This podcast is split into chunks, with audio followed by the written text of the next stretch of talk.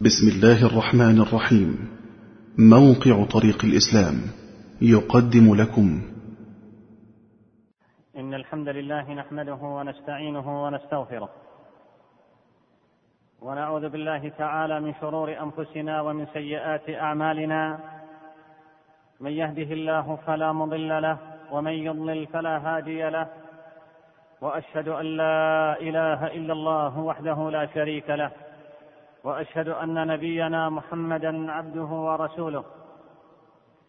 يا أيها الذين آمنوا اتقوا الله حق تقاته ولا تموتن إلا وأنتم مسلمون. يا أيها الناس اتقوا ربكم الذي خلقكم من نفس واحدة وخلق منها زوجها وبث منهما رجالا كثيرا ونساء واتقوا الله الذي تساءلون به والأرحام إن الله كان عليكم رقيبا. يا أيها الذين آمنوا اتقوا الله وقولوا قولا سديدا. يصلح لكم أعمالكم ويغفر لكم ذنوبكم. ومن يطع الله ورسوله فقد فاز فوزا عظيما. أما بعد أيها المسلمون. قال الله تعالى أعوذ بالله من الشيطان الرجيم. بسم الله الرحمن الرحيم. والسماء ذات البروج واليوم الموعود وشاهد ومشهود قتل أصحاب الأخدود النار ذات الوقود إذ هم عليها قعود وهم على ما يفعلون بالمؤمنين شهود. إن هذه الآيات أيها الأحبة تحمل قصة أصحاب الأخدود هؤلاء الذين فتنوا في دينهم هؤلاء الذين أحرقوا في خنادق النار مع نسائهم وأطفالهم وما نقموا منهم إلا أن يؤمنوا بالله العزيز الحميد. وكان نكالا دنيويا بالغ القسوة وجريمة نكراء عندما يقاد أولئك المؤمنون الأطهار إلى خنادق وحفر اضرمت فيها النيران هم ونساؤهم وأطفالهم ليلقوا فيها لا لشيء إلا لأنهم آمنوا بالله جل وعلا.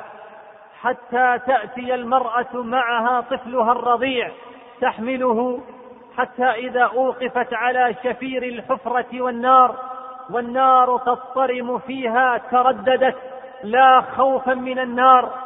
ولكن رحمة بالطفل فينطق الله جل وتعالى ذلكم الطفل الرضيع ليقول لها مؤيدا مثبتا مصبرا يا أماه اصبري فإنك على الحق فتلقي المرأة الضعيفة بنفسها وهي تحمل طفلها الرضيع في تلكم النار. إنه مشهد مروع وجريمة عظيمة يقص القرآن خبرها. ويخبر بشأنها فإذا هي قصة مليئة بالدروس مشحونة بالعبر فهل من مدكر؟ لقد ذكر القصة النبي صلى الله عليه وسلم. ذكرها لأصحابه ذكرها كاملة واضحة ورواها الإمام مسلم في صحيحه. فعن صهيب رضي الله عنه أن رسول الله صلى الله عليه وسلم قال كان ملك في من كان قبلكم وكان له ساحر فلما كبر الملك فلما كبر قال للملك إني قد كبرت فابعث إلي غلاما أعلمه السحر. فبعث إليه غلاما يعلمه وكان في طريقه إذا سلك راهب فقعد إليه وسمع كلامه فأعجبه وكان إذا أتى الساحر مر بالراهب وقعد إليه فإذا أتى الساحر ضربه فشكى ذلك إلى الراهب فقال إذا خشيت الساحر فقل حبسني أهلي وإذا خشيت أهلك فقل حبسني الساحر فبينما هو على ذلك إذ أتي إذ أتى على دابة عظيمة قد حبست الناس فقال اليوم أعلم الساحر أفضل أم الراهب أفضل؟ فأخذ حجرا فقال اللهم إن كان أمر الراهب أحب إليك من أمر الساحر فاقتل هذه الدابة حتى يمضي الناس فرماها فقتلها ومضى الناس فأتى الراهب فأخبره فقال له الراهب أي بني أنت اليوم أفضل مني وقد بلغ من أمرك ما أرى وإنك ستبتلى فإن ابتليت فلا تدل علي. وكان الغلام يبرئ الأكمه والأبرص ويداوي الناس من سائر الأدواء بأمر الله عز وجل. فسمع جليس للملك كان قد عمي فأتاه بهدايا كثيرة. فقال ما ها هنا لك أجمع إن أنت شفيتني؟ فقال إني لا أشفي أحدا إنما يشفي الله جل وعز فإن آمنت بالله تعالى دعوت الله فشفاك.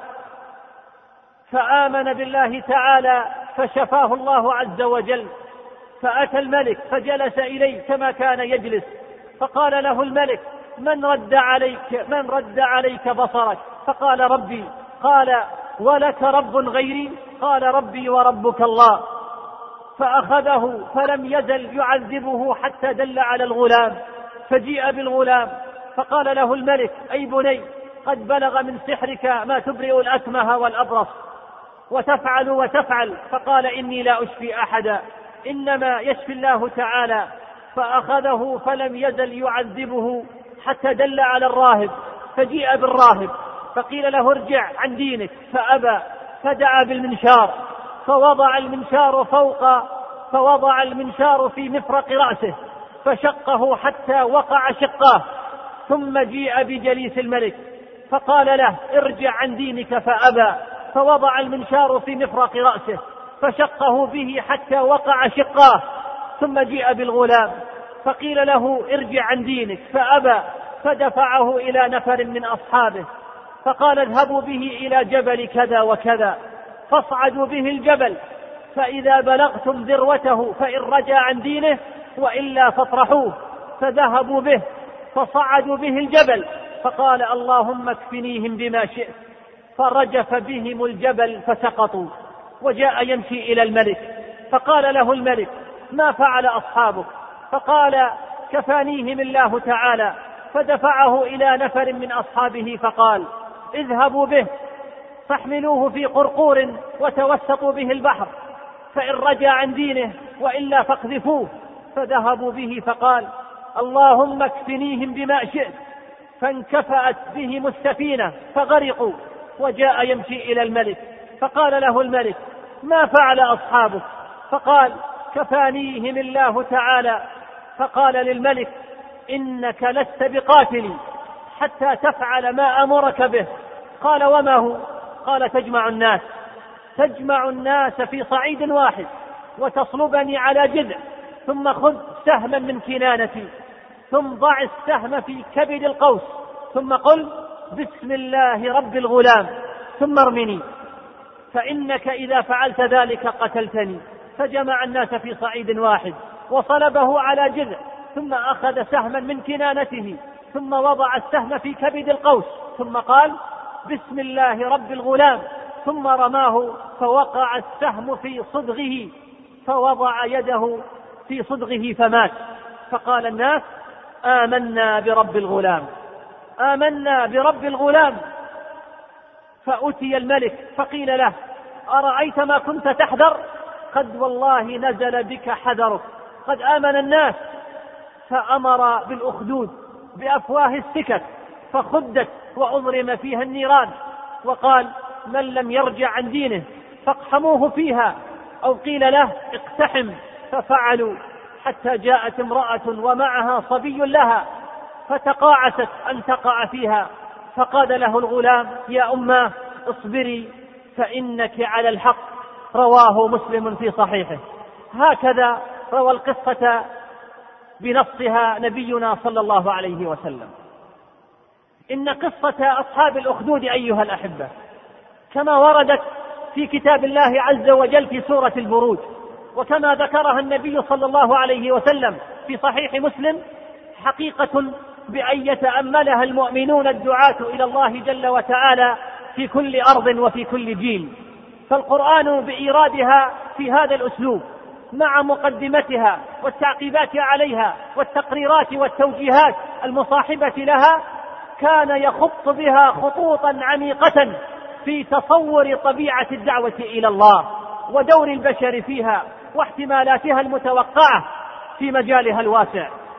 وهو أوسع رقعة من الأرض وأبعد مدى من الحياة.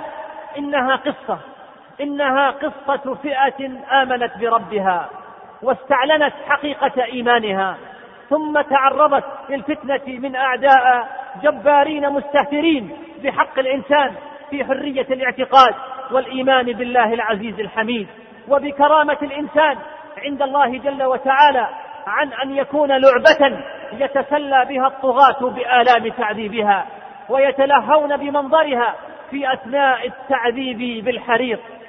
وقد ارتفع الإيمان بهذه القلوب على الفتنة وانتصرت فيها العقيدة على الحياة.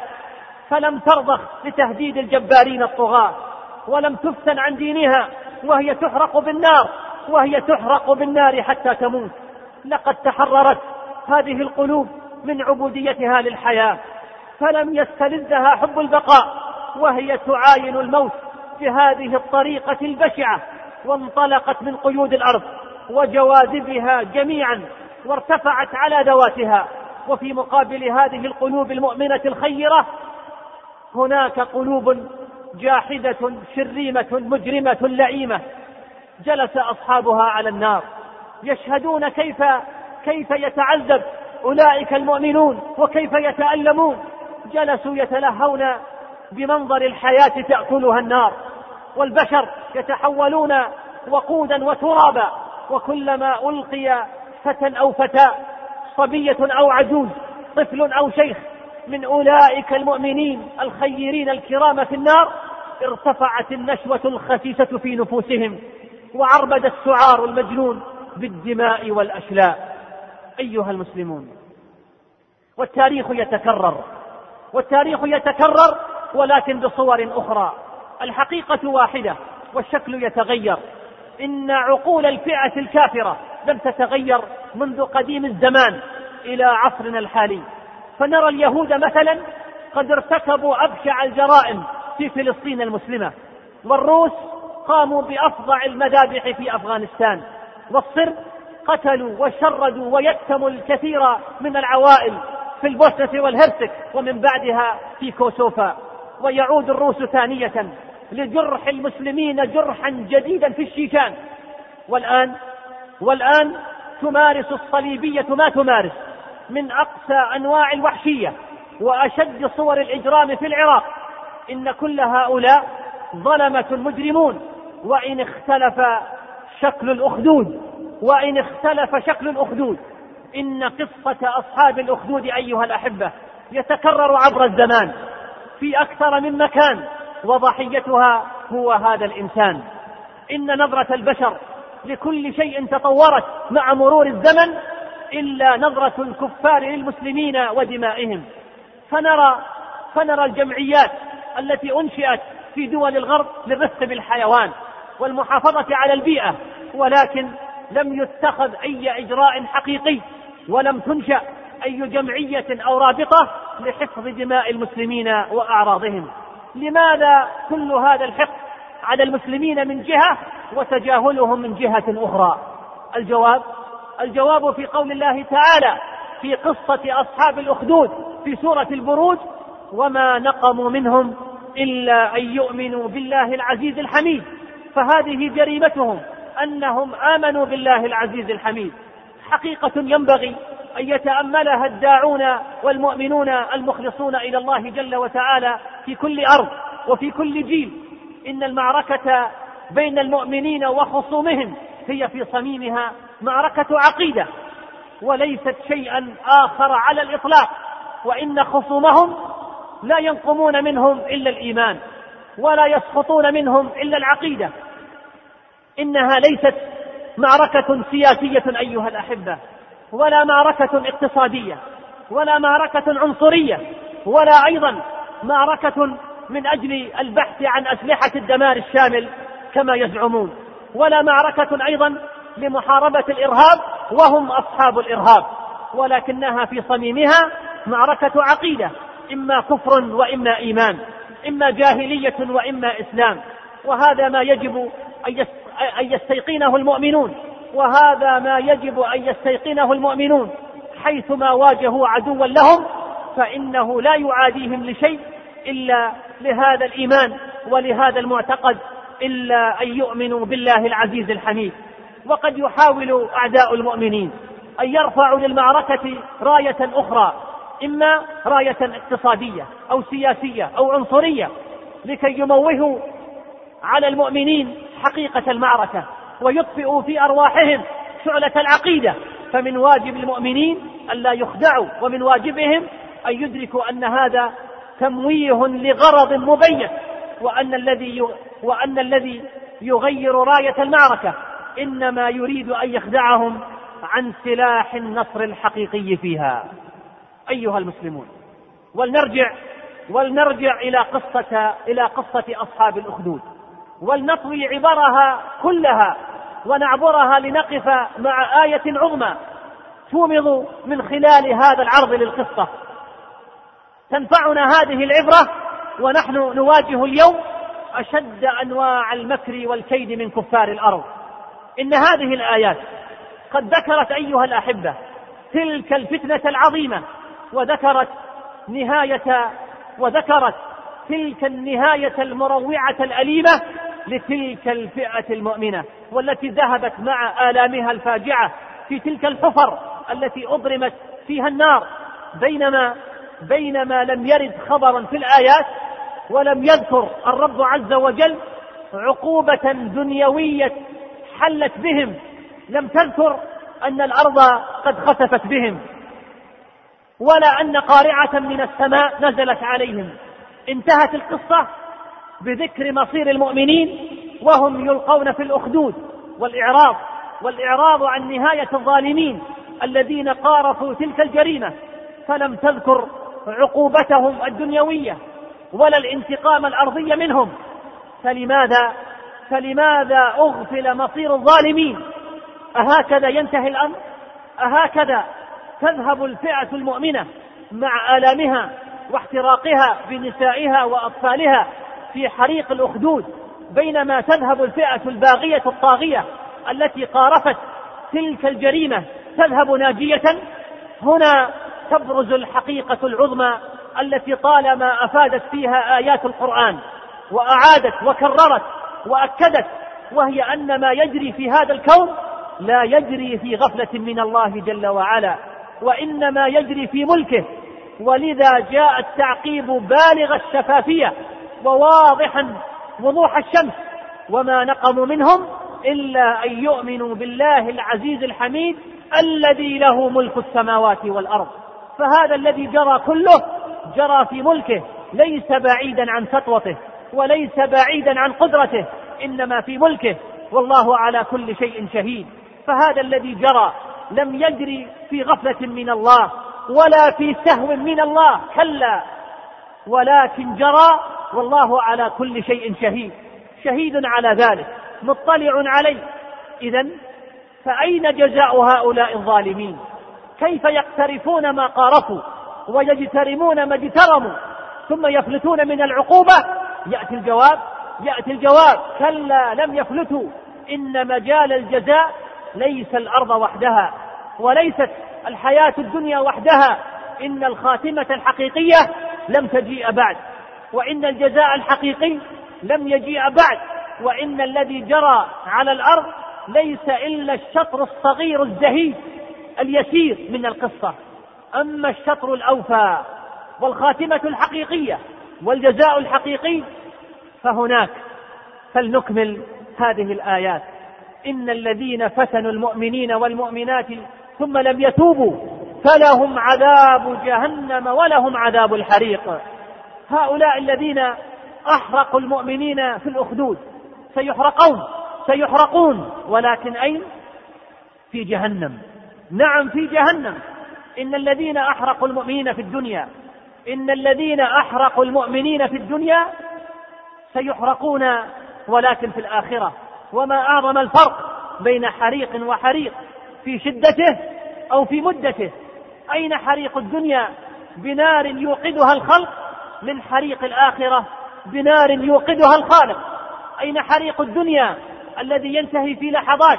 من حريق الآخرة الذي يمتد إلى آباد لا يعلمها إلا الله. أين حريق الدنيا الذي عاقبته رضوان الله؟ من حريق الآخرة ومعه غضب الله. أين حريق الدنيا؟ باستخدام الصواريخ الملتهبة والقنابل الذكية كما يقولون وحريق نار جهنم. الذي أوقد عليها ألف عام حتى ابيضت ثم أوقد عليها ألف عام حتى احمرت ثم أوقد عليها ألف عام حتى اسودت فهي سوداء مظلمة. هذا المعنى هذا المعنى الضخم أيها الأحبة. هذا المعنى الضخم الذي ينبغي أن تشخص الأبصار إليه وهو الارتباط بالجزاء الأخروي رهبة ورغبة. أما الدنيا أما الدنيا فلو كانت تساوي عند الله جناح بعوضة ما سقى كافرا منها شربة ماء. إن الدنيا هينة على الله جل وعلا. مر النبي صلى الله عليه وسلم يوما من الأيام وأصحابه معه. مروا في طريقهم فإذا سباطة قوم أي الزبالة وقمامة قوم. تلقى عليها النفايات والفضلات والجية. فإذا بالرسول صلى الله عليه وسلم ينفرد عن أصحابه ويتوجه إلى هذه القمامة ليأخذ منها جيفة تيس مشوه الخلقة قد مات. مشوه الخلقة صغير الأذن قد انكمشت أذنه. فأمسك النبي صلى الله عليه وسلم بهذا التيس الميت فرفعه ثم أقام مزادا علنيا ينادي على هذه الجيفة الميتة. فيقول مخاطبا لأصحابه أيكم يحب أن يكون هذا له بدرهم؟ من يشتري هذا التيس المشوه بدرهم؟ وتعجب الصحابة رضي الله عنهم من هذا المزاد على سلعة قيمتها الشرائية صفر ليس لها قيمة شرائية. ولذا ألقيت مع الفضلات قالوا يا رسول الله والله لقد هان هذا التيس على أهله حتى ألقوه على هذه السباطة لو كان حيا ما ساوى درهما لأنه مشوه فكيف وهو ميت؟ لقد هان على أهله حتى ألقوه هنا فكيف يزاد عليه بدرهم؟ فألقاه النبي صلى الله عليه وسلم وهوت الجيفة على السباطة والنبي صلى الله عليه وسلم يقول للدنيا أهون على الله من هذا على أحدكم. إن الدنيا هينة على الله ومن هوانها أنها أهون من هذه الجيفة التي ألقيتموها واستغربتم أن يزاد عليها ولو بدرهم يسير. وإذا كانت الدنيا هينة على الله هذا الهوان فإن الله جل جلاله لم يرضها جزاء لأوليائه وأيضا لم يجعل العذاب فيها والعقوبة فيها هي الجزاء الوحيد لأعدائه. كلا إن الدنيا أهون على الله بل لولا أن يفتن الناس لولا أن تصيبهم فتنة لجعل الله هذه الدنيا بحذافيرها وزينتها وبهجتها ومتاعها جعلها كلها للكافرين. قال الله تعالى ولولا ولولا أن يكون الناس أمة واحدة لجعلنا لمن يكفر بالرحمن لبيوتهم سقفا من فضة ومعارج عليها يظهرون ولبيوتهم أبوابا وسررا عليها يتكئون وزخرفا وإن كل ذلك لما متاع الحياة الدنيا والآخرة عند ربك للمتقين. والآخرة عند ربك للمتقين. ولذا كانت آيات القرآن أيها الأحبة تتنزل على الرسول صلى الله عليه وسلم تخاطبه وتلفت أنظار المؤمنين معه إلى أن القصاص الحقيقي والعقوبة الحقيقية والجزاء الذي ينتظر الظالمين المتكبرين المتجبرين من الكفار والفجرة والظلمة. إنه هناك. إن إلينا إيابهم. ثم إن علينا حسابهم. قال الله تعالى وإما نرينك بعض الذي نعدهم أو نتوفينك فإلينا مرجعهم. ثم الله شهيد على ما يفعلون. بارك الله لكم في القرآن العظيم. ونفعني وإياكم بما فيه من الآيات والمواعظ والذكر الحكيم. أقول قولي هذا. وأستغفر الله لي ولكم فاستغفروه إنه هو الغفور الرحيم.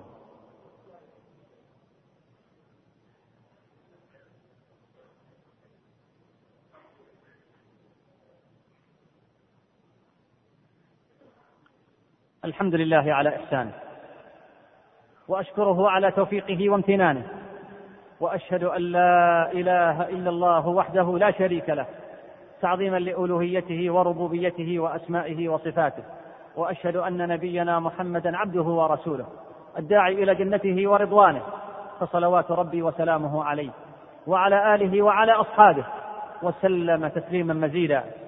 أما بعد أيها المسلمون إن الحياة وسائر ما يلابسها من لذائذ وآلام ومن متاع وحرمان ليست هي الغاية.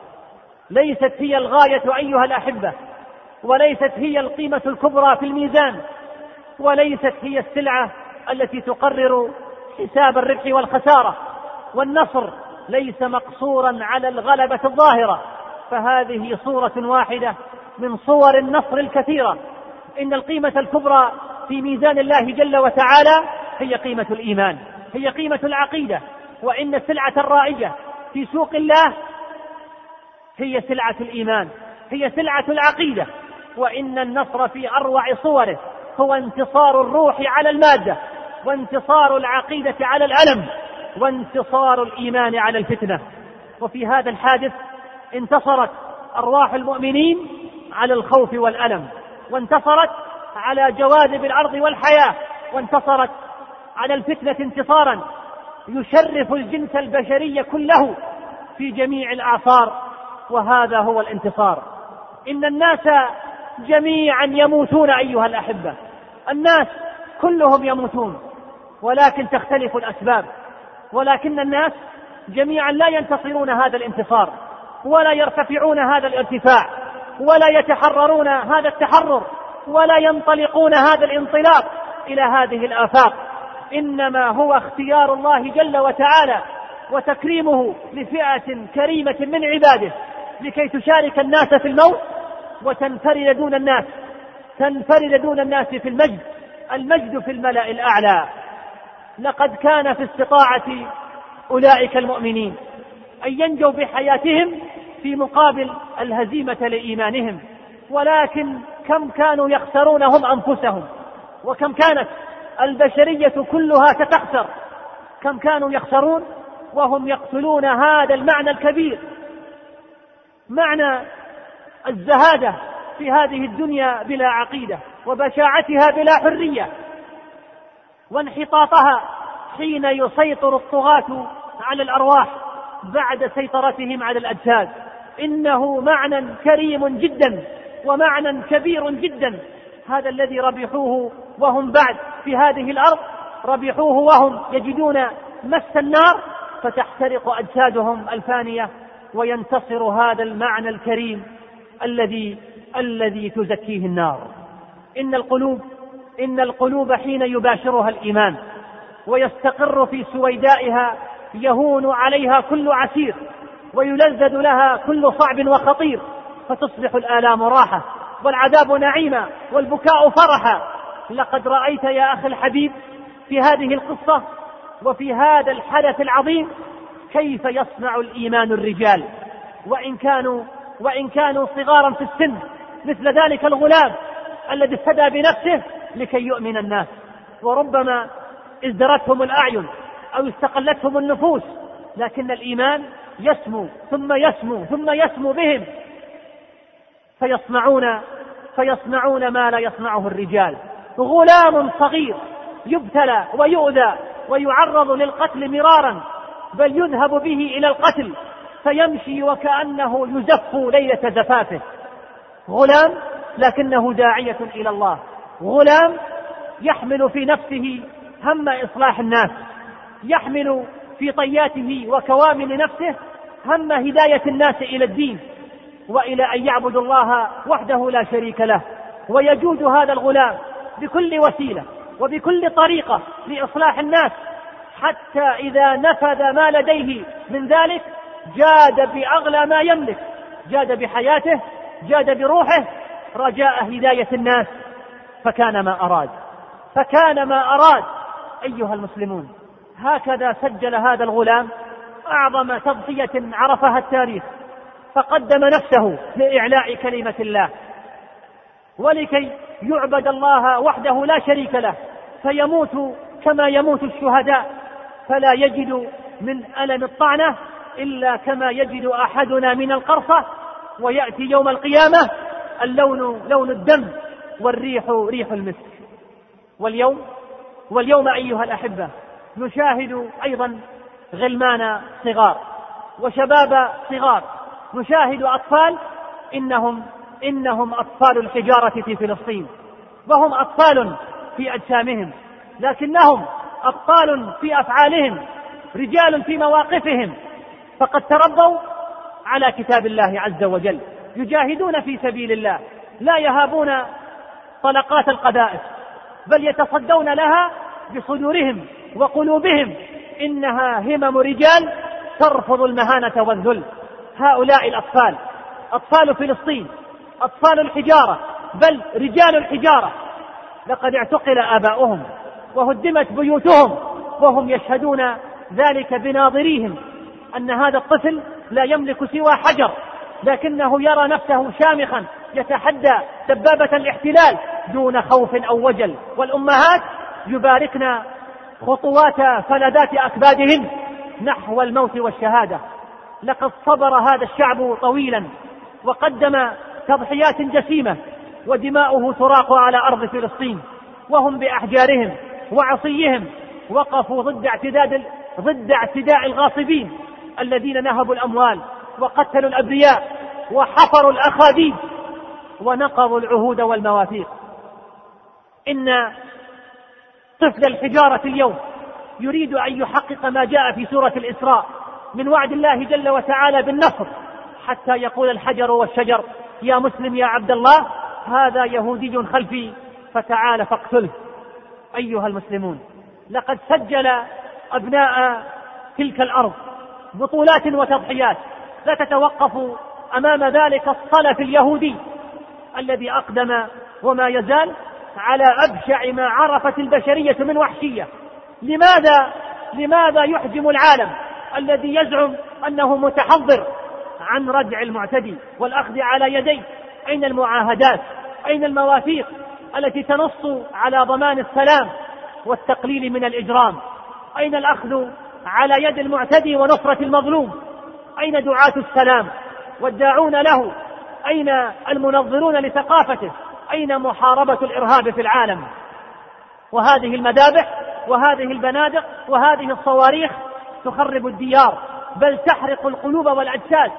أجساد الشيوخ الركع والأطفال الرضع إن هذه الدماء لن تثمر بإذن الله جل وتعالى إلا نفوسا ابيه لن ترضى الدنية في دينها ولتسقط تلك الدعاوى الساقطة الزائفة ولتنكسر تلك الأقلام الهزيلة التي ما زالت تزين السلام غير العادل بزينة كالحة.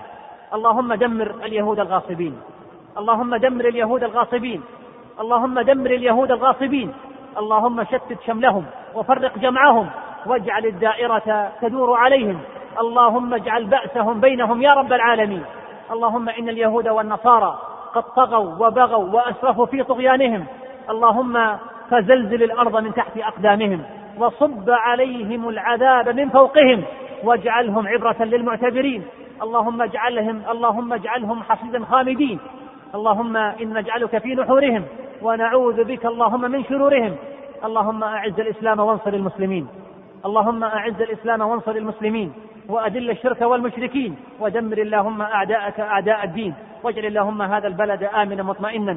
وسائر بلاد المسلمين. اللهم إن نسألك رضوانك والجنة. ونعوذ بك من سخطك ومن النار. اللهم اغفر للمسلمين والمسلمات. والمؤمنين والمؤمنات. الأحياء منهم والأموات. إنك يا ربنا سميع قريب مجيب الدعوات.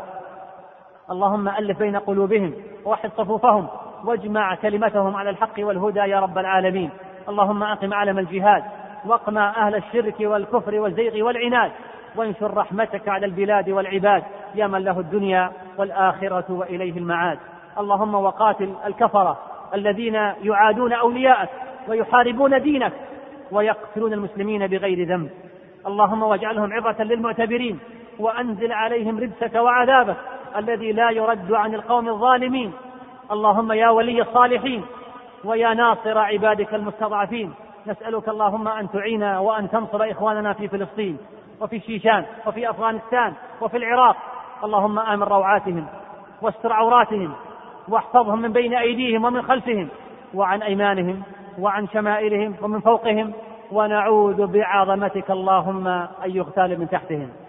اللهم بلغنا رمضان. اللهم بلغنا رمضان. اللهم بلغنا رمضان. اللهم صل على محمد وعلى آل محمد كما صليت على إبراهيم وعلى آل إبراهيم إنك حميد مجيد. وبارك على محمد وعلى آل محمد كما باركت على إبراهيم وعلى آل إبراهيم في العالمين إنك حميد مجيد. وآخر دعوانا أن الحمد لله رب العالمين. مع تحيات إخوانكم في موقع طريق الإسلام www.islamway.com والسلام عليكم ورحمة الله وبركاته.